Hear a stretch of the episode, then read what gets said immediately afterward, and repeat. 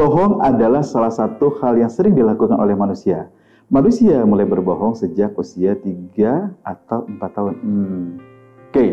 ya Bapak Ibu dan teman-teman, uh, saya akan bercerita sedikit mengenai uh, kebohongan yang dilakukan oleh manusia. Nah, kebohongan sendiri sebenarnya hal yang bisa saja ini hal yang biasa sebenarnya ya, satu hal yang terjadi di sekitar kita gitu ya, yang kita baik yang mungkin kita alami dari orang lain dan sebagainya yang situasinya kita temuin baik itu di rumah, di lingkungan sosial kita, kemudian juga oleh apa namanya di lingkungan komunitas teman-teman kita sendiri maupun juga mungkin bisa saja di kantor dan juga bagi teman-teman yang memang masih bersekolah bisa saja di, uh, terjadi di sekolah. Nah, kebohongan sendiri sebenarnya kalau bisa dikatakan dari usia muda itu bisa sebenarnya karena memang usia usia dini itu bagaimana seseorang itu uh, masih masih apa namanya masih balita usia 2 sampai 3 tahun sebenarnya bisa melihat bagaimana dia memodel orang lain orang dewasa melakukan kebohongan.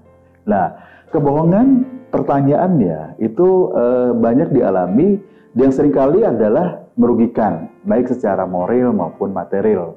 Nah, kebohongan bisa saja mengakibatkan kerugian yang lebih besar bahkan membahayakan uh, bisa saja terhadap sisi jiwa seseorang gitu ya. Nah, kebohongan sendiri sebenarnya bisa dikatakan bahwa di dalam setiap percakapan kita 10 menit, dalam sewaktu 10 menit, menurut salah seorang pakar bahwa dalam 10 menit 2 sampai 3 kali orang melakukan kebohongan. Kebohongan itu bentuknya macam-macam dan pasti ada alasannya kenapa orang melakukan kebohongan. Nah, kebohongan bisa saja untuk bagaimana uh, melindungi diri sendiri, bagaimana juga bisa juga merugikan orang lain, dan bisa saja uh, banyak hal tergantung juga uh, kebohongan itu juga bisa membah membahayakan orang lain.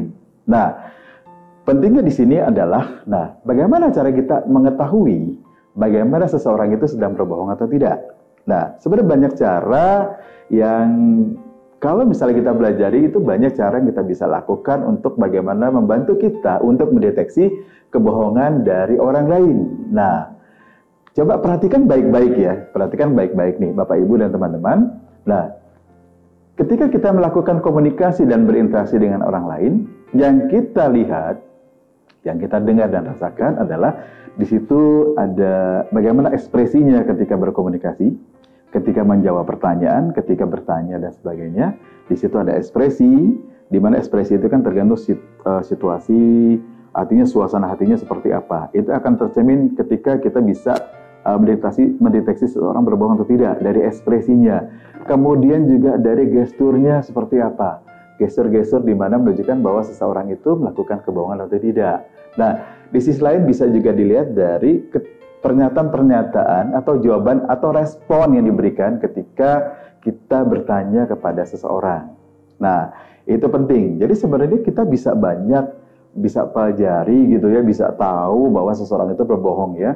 Jadi dari sisi verbalnya, non verbalnya kita bisa ketahui itu. Terutama juga dari tulisan pun kita bisa tahu bahwa seseorang itu punya potensi untuk melakukan kebohongan atau fraud. Nah, nah penting. Jadi artinya perlu nggak kita menjadi orang yang punya keahlian untuk bagaimana bisa mendeteksi kebohongan. Nah, kalau bagi saya pribadi, bagi saya penting. Kenapa? Eh, dalam profesi pekerjaan itu sangat membantu.